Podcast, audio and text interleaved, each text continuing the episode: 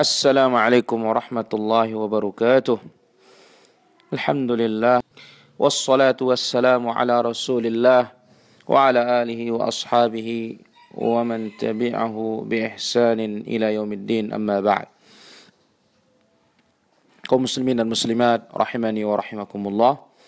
Alhamdulillah pada jumpa pagi ini kembali kita melanjutkan pembahasan kitab Al-Usul As-Sittah dan masih kita pada Al-Aslul Khamis pondasi dan pokok yang kelima penjelasan Allah Azza wa Jalla tentang wali-wali Allah dan wali-wali syaitan.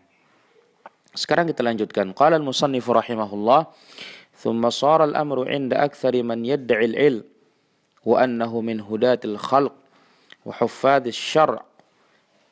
anna al-awliya la budda fihim min tarki ittiba'i ar-rusul wa man tabi'ahum falaysa minhum." ولا بد من ترك الجهاد فمن جاهد فليس منهم. ولا بد من ترك الإيمان والتقوى فمن تعهد بالإيمان والتقوى فليس منهم. يا ربنا نسألك العفو والعافية إنك سميع الدعاء.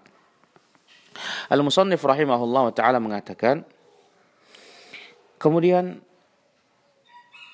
perkara waliullah dan walius syaitan Menurut kebanyakan orang-orang yang mengaku dirinya berilmu bahwasanya wali-wali syaitan itu itulah dikatakan dai. Itulah dikatakan orang-orang yang menjaga agama.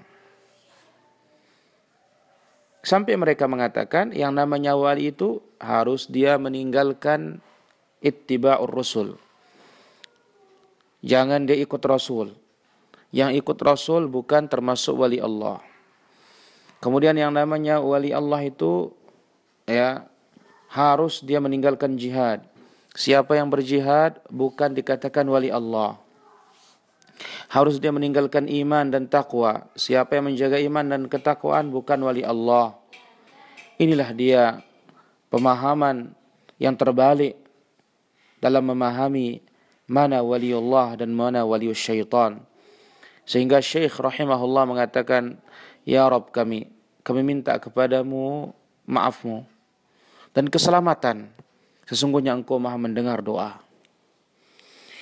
Maka menurut pandangan mereka bahwasanya apabila keluar dari syariat ini dianggap adalah orang-orang yang mencapai derajat ma'rifat. Telah sampai kepada Allah, tidak membutuhkan Rasul. Mereka menganggap dirinya langsung mengambil ilmu dari Allah Subhanahu wa taala. Sehingga mereka mengatakan, kepada ahlu sunnah, kalian mengambil ilmu kalian dari orang mati, dari yang mati.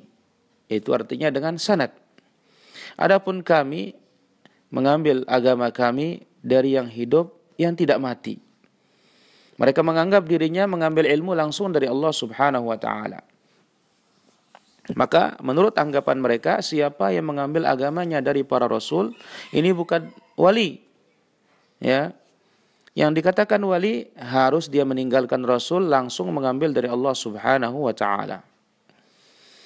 Sehingga menurut mutaakhirin orang-orang belakangan seorang tidak bisa dikatakan wali kecuali kalau orang itu kuburannya dihiasi. Dibangun kubah, dibangun masjid di atas kuburnya. Adapun kuburan yang dibangun sesuai dengan sunnah yang dibentuk sesuai dengan sunnah tidak diletakkan apa-apa di atas kuburnya kecuali batu nisannya, maka ini dianggap bukan wali. Meskipun dia menjadi manusia yang paling afdal. Kemudian menurut mereka juga yang namanya wali itu harus dia punya pakaian khusus. Pakai sorban. Ya, pokoknya pakaian khusus berbeda dengan yang lainnya. Maka Imam Ibnu Qayyim rahimahullah taala mengatakan, Laisa li Allah alamatun yatamayyazuna biha. Wali Allah tidak punya tanda khusus yang dengannya dia berbeda dengan yang lainnya. Wali Allah sama dengan manusia yang lainnya. Yang mana Rasulullah alaihi wasallam sampai mengatakan rubba ash'ath aghbar madfu bil awwab law aqsama 'ala Allah la abarrahu. Betapa banyak orang yang rambutnya penuh dengan debu. Tidak karuan aturan rambutnya acak-acakan. Ditolak di sana sini dari satu pintu ke pintu yang lainnya. Tetapi sekiranya dia bersumpah dengan nama Allah Azza wa Jalla, Allah Subhanahu wa taala bantu dia melaksanakan sumpahnya.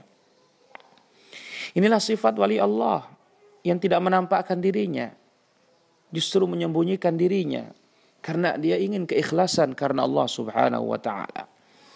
Dengan demikian di antara sifat wali Allah at-tawadhu, merendah diri. Wal ikhtifa wa adam zuhur, menyembunyikan diri, tidak menampakkan diri dan bertakwa kepada Allah Subhanahu wa taala. Mudah-mudahan apa yang kita ambil ini bermanfaat dan insya Allah poin terakhir al-aslus sadis pada pertemuan yang akan datang. Walhamdulillah rabbil alamin. Wassalamualaikum warahmatullahi wabarakatuh.